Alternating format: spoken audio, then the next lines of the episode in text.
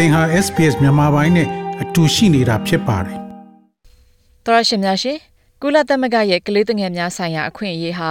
နိုင်ငံတကာနဲ့ဆိုင်တဲ့လူအခွင့်အရေးသဘောတူညီချက်ဖြစ်ပါတယ်။အဲ့ဒီသဘောတူညီချက်အရကလေးငယ်နဲ့လူငယ်တွေခံစားခွင့်ရှိတဲ့အခွင့်အရေးအကြောင်းကိုဖော်ပြထားတာဖြစ်ပါတယ်။ဩစတြေးလျအပါအဝင်နိုင်ငံတိုင်းနီးပါးကကုလသမဂ္ဂညီလာခံရဲ့သဘောတူညီမှုမှာပါဝင်လက်မှတ်ရေးထိုးကြပြီဖြစ်ပါတယ်။ ဒီတစ်ပတ်အတွက်အခြေချနေထိုင်ခြင်းလမ်းညွှန်မှာတော့ဩစတြေးလျနိုင်ငံကကလေးငယ်တွေမှာဘာအခွင့်အရေးတွေရှိကြသလဲအဲ့ဒီအခွင့်အရေးတွေကိုဩစတြေးလျဥပဒေကဘယ်လိုအကာအကွယ်ပေးထားသလဲဆိုတာတွေကိုလေ့လာရမှာဖြစ်ပါတယ်တချို့အခွင့်အရေးတွေကတော့ကုလသမဂ္ဂညီလာခံရဲ့သဘောတူညီချက်ထဲမှာပါဝင်တဲ့အခွင့်အရေးတွေဖြစ်ပြီးအဲ့ဒီထဲမှာလုံခြုံဘေးကင်းစွာနေထိုင်ခွင့်ဆော့ကစားခွင့် ပညာသင်ယူခွင့်နဲ့ကျန်းမာစွာကြီးထွားခွင့်တွေပါဝင်ပါတယ်။ Paula Garber ဟာ Monash တက္ကသိုလ်ဥပဒေဌာနကပေါမခတူဖြစ်ပြီးသူဟာနိုင်ငံတကာလူအခွင့်အရေးအထူးသဖြင့်ကလေးသူငယ်များအခွင့်အရေးကိုမိမောင်းထိုးလုပ်ကင်သူဖြစ်ပါတယ်။သူမရဲ့အဆိုအရကလေးငယ်တွေကျန်းမာစွာကြီးပြင်းခွင့်ဟာမိဘတွေအပေါ်အများကြီးမှုတည်တယ်လို့ဆိုပါတယ်။ Australia benefits from the national healthcare system, Medicare, and all children as soon as they're born are entitled to that healthcare. Australia နိုင်ငံမှာတနိုင်ငံလုံးအတွက်ထားရှိပေးထားတဲ့ကျန်းမာရေးစနစ်ကို Medicare ကနေတဆင့်ခံစားခွင့်ရှိကြပါတယ်။ကလေးငယ်တွေစတင်မွေးဖွားချိန်ကစပြီးအဲ့ဒီကျန်းမာရေးစနစ်ကိုအသုံးပြုခွင့်ရှိပါတယ်။ ဒါပေမဲ့ကလေးငယ်တွေကျန်းမာဖို့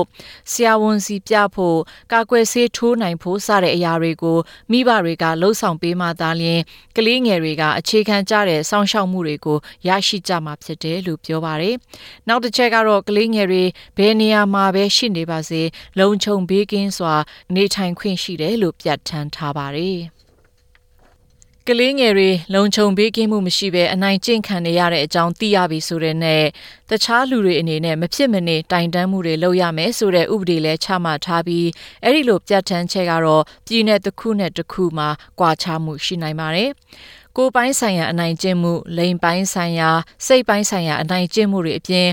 ပြစ်ပယ်ထားမှုတွေနဲ့အကြမ်းဖက်မှုနဲ့ထိတွေ့မှုရှိအောင်လှုံ့ဆော်မှုတွေဟာလည်းတိုင်တန်းရမယ့်အထက်ပါဝင်တယ်လို့ဆိုပါတယ် The law imposes what's called mandatory reporting obligations on a number of professionals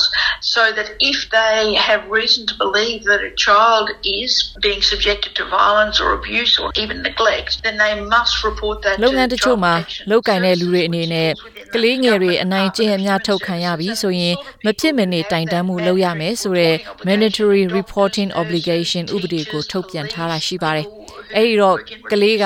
အကြမ်းဖက်ခံရပြီးအများထုတ်ခံရပြီးဒါမှမဟုတ်လိလျူရှုခံနေရပြီလို့သိရတာနဲ့ကလေးငယ်တွေကိုအကာအကွယ်ပေးတဲ့ဌာနတွေစီကိုတိုင်တန်းရမှာဖြစ်ပြီးအဲ့ဒီဌာနတွေကတော့ Department of Human Services အောက်မှာရှိပါတယ်။အဲ့ဒီလိုအနိုင်ကျင့်မှုတွေကိုသိရတာနဲ့ တိုင်တန်းမှုတွေလုပ်ရမယ့်လူတွေထဲမှာဆရာဝန်တွေ၊သူနာပြုတွေ၊ဆရာဆရာမတွေရဲနဲ့ဘာသာရေးအဖွဲ့အစည်းမှအလုပ်လုပ်ကိုင်နေသူတွေပါဝင်တယ်လို့ရှင်းပြခဲ့ပါတယ်။ Professor Gerber ရဲ့အဆိုအရ Australia နိုင်ငံမှာအသက်6နှစ်နဲ့18နှစ်အကြားရှိသူတွေမဖြစ်မနေကျောင်းတက်ရမယ်လို့သတ်မှတ်ထားပါတယ်။ The parents have to make sure that they are attending school and the school has to make sure the children are there. So primary schools they have to check school attendance take the role ကလေးတွေကျောင်းသွားဖြစ်အောင်မိဘတွေကလှုပ်ဆောင်ရမှာဖြစ်တယ်လို့စာတင်ကျောင်းကလည်းကလေးတွေကျောင်းမှာရှိနေအောင်လှုပ်ဆောင်ရမှာဖြစ်ပါတယ်။ အဲ့ဒီတော့မူလတန်းကျောင်းမှာဆိုရင်ကလေးတွေကျောင်းမှာရှိမရှိစစ်ဆေးရမှာဖြစ်ပြီးတရက်မှာနှစ်ကြိမ်နာမည်ခေါ်ပြီးစစ်ဆေးတာမျိုးလုပ်ရမှာပါအထက်တန်းမှာဆိုရင်တော့အခန်းတိုင်းဘာသာရတိုင်းမှာကျောင်းမှာရှိမရှိနာမည်ခေါ်တာမျိုးလုပ်ရပါတယ်ခိုင်လုံတဲ့အကြောင်းပြချက်မမေရရမရှိတဲ့ကြောင်းပြက်မှုမျိုးတစ်နှစ်မှာ9ကြိမ်ထဲဖြစ်ပွားခဲ့ရင်တော့ဘာကြောင့်အဲ့ဒီလိုမျိုးဖြစ်ရတယ်လဲဆိုတာကိုကျောင်းအုပ်ကြီးကကြည်မူပြီးစမ်းစစ်ရမယ်လို့ပြောပါတယ် ဩစတြေးလျနိုင်ငံမှာ home school လို့ခေါ်တဲ့နေအိမ်မှာပဲနေပြီးမိဘကစာသင်မှုလုပ်ပေးတဲ့ကလေးငယ်အယောက်2000လောက်ရှိပြီး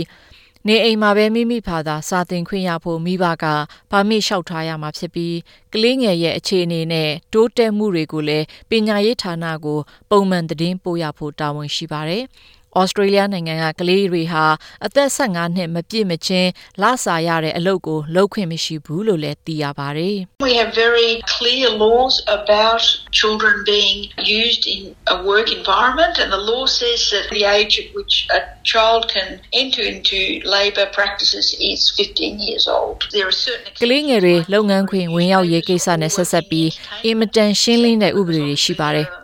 ကလေးငယ်တွေလုပ်ငန်းခွင်စဝင်နိုင်တဲ့အသက်က15နှစ်ဖြစ်တယ်ဆိုတာကိုသတ်မှတ်ပြီးသားဖြစ်ပါတယ်။ဖြော်ဖြေရေးလုပ်ငန်းတွေမှာတော့ချွင်းချက်သတ်မှတ်ပေးထားတာရှိပါတယ်။ဘာဖြစ်လို့လဲဆိုတော့ရုပ်ရှင်တွေပြဇတွေမှာကလေးတွေပါဝင်တဲ့အတွက်အဲ့ဒီလိုအလုပ်တွေအတွက်ချွင်းချက်ပေးထားတာရှိတယ်လို့ရှင်းပြထားပါတယ်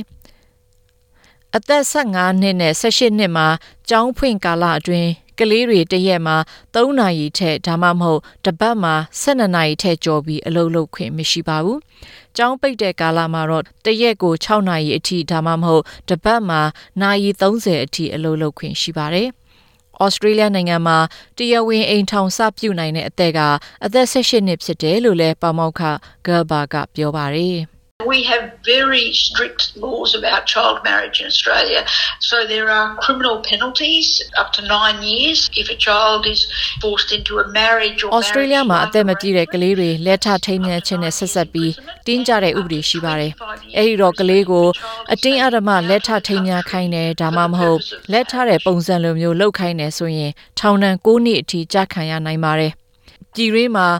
9နှစ်အထိထောင်ကျခံရနိုင်ပြီးကလေးကိုနိုင်ငံခြားခေါ်သွားပြီးလက်ထမှုလုပ်ခိုင်းရင်တော့ထောင်ဒဏ်25နှစ်အထိကြာခံရနိုင်တယ်လို့ပြောပါတယ်။အကယ်၍အသက်18နှစ်အောက်သာရှိသေးတဲ့လူငယ်နှဦးက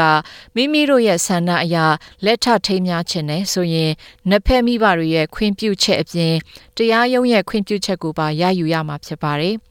တရားရုံးကတော့တော်တန်ယုံခွင့်ပြုမှာမဟုတ်ပဲချွင်းချက်အနေနဲ့ခွင့်ပြုမှုလုပ်တဲ့အခါမှသာလျှင်ခွင့်ပြုမှာဖြစ်တယ်လို့ဆိုပါတယ်။ဒေါက်တာ Faith Gordon ဟာ Australian အမျိုးသားတက္ကသိုလ်ဥပဒေရေးရာဌာနကတွဲဘက်ပါမောက္ခဖြစ်ပြီး Australia အနေနဲ့1980ပြည့်နှစ်ကတည်းကကုလသမဂ္ဂရဲ့ပြည်ငြိမ်မှာလက်မှတ်ရေးထိုးထားပေမဲ့တပြည်နယ်နဲ့တပြည်နယ်မှာတော့ဥပဒေကကွာခြားမှုရှိတယ်လို့ပြောပါတယ်။ Unfortunately, we don't have the convention embedded in our domestic legislative framework because it is a federalised system and the states and territories all have different pieces of legislation in relation to ပြည်တွင်းတရားဥပဒေမူပေါင်းထဲမှာတော့ကုလသမဂ္ဂရဲ့သဘောတူညီချက်အတိုင်းလှုပ်ဆောင်ထားတာမရှိပါဘူး။အဲဒီလိုဖြစ်ရတာဟာ Federal စနစ်ကြောင့်ဖြစ်ပါတယ်။ပြည်내တိုင်းအထူးဒေသတိုင်းမှာကလေးငယ်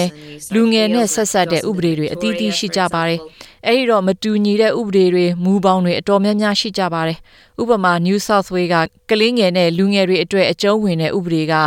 Victoria ပြည်နယ်မှာအကျုံးဝင်ခြင်းမဝင်မယ်လို့ရှင်းပြခဲ့ပါတယ်။ Professor Garba ကတော့ကလေးငယ်တွေရတဲ့အခွင့်အရေးတွေကာကွယ်မှုတွေအပြည့်အဝရရှိအောင်ဒီထက်ရှင်းလင်းတဲ့ဥပဒေတွေကိုဩစတြေးလျမှာချမှတ်တဲ့တယ်လို့ပြောပါတယ်။ We have an international human rights treaty and then Australia enacts laws to give effect to that. There is a convention on the elimination of racial discrimination and Australia enacted the Race Discrimination Act. ကျမတို့မှာနိုင်ငံတကာလူ့အခွင့်အရေးသဘောတူညီချက်ရှိပြီးအဲ့ဒါတွေတက်ရောက်မှုရှိအောင်ဩစတြေးလျရဲ့ဥပဒေမှာလှုံ့ဆော်ထားတာရှိပါတယ်။လူမျိုးရေးခွဲခြားမှုပပျောက်အောင် ကုလသမဂ္ဂညီလာခံကသတ်မှတ်ရင်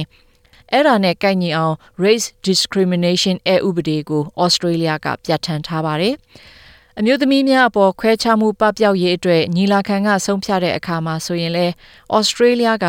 sex discrimination အဥပဒေကိုပြဋ္ဌာန်းခဲ့ပါတယ်။ကလေးတငယ်များအတွက်ဥပဒေကိုညီလာခံကသတ်မှတ်လိုက်ပေမဲ့လည်းဩစတြေးလျမှာအဲ့ဒါကိုအသက်သွင်းမဲ့အဲဥပဒေကမရှိသေးဘူးလို့ထောက်ပြထားပါတယ်။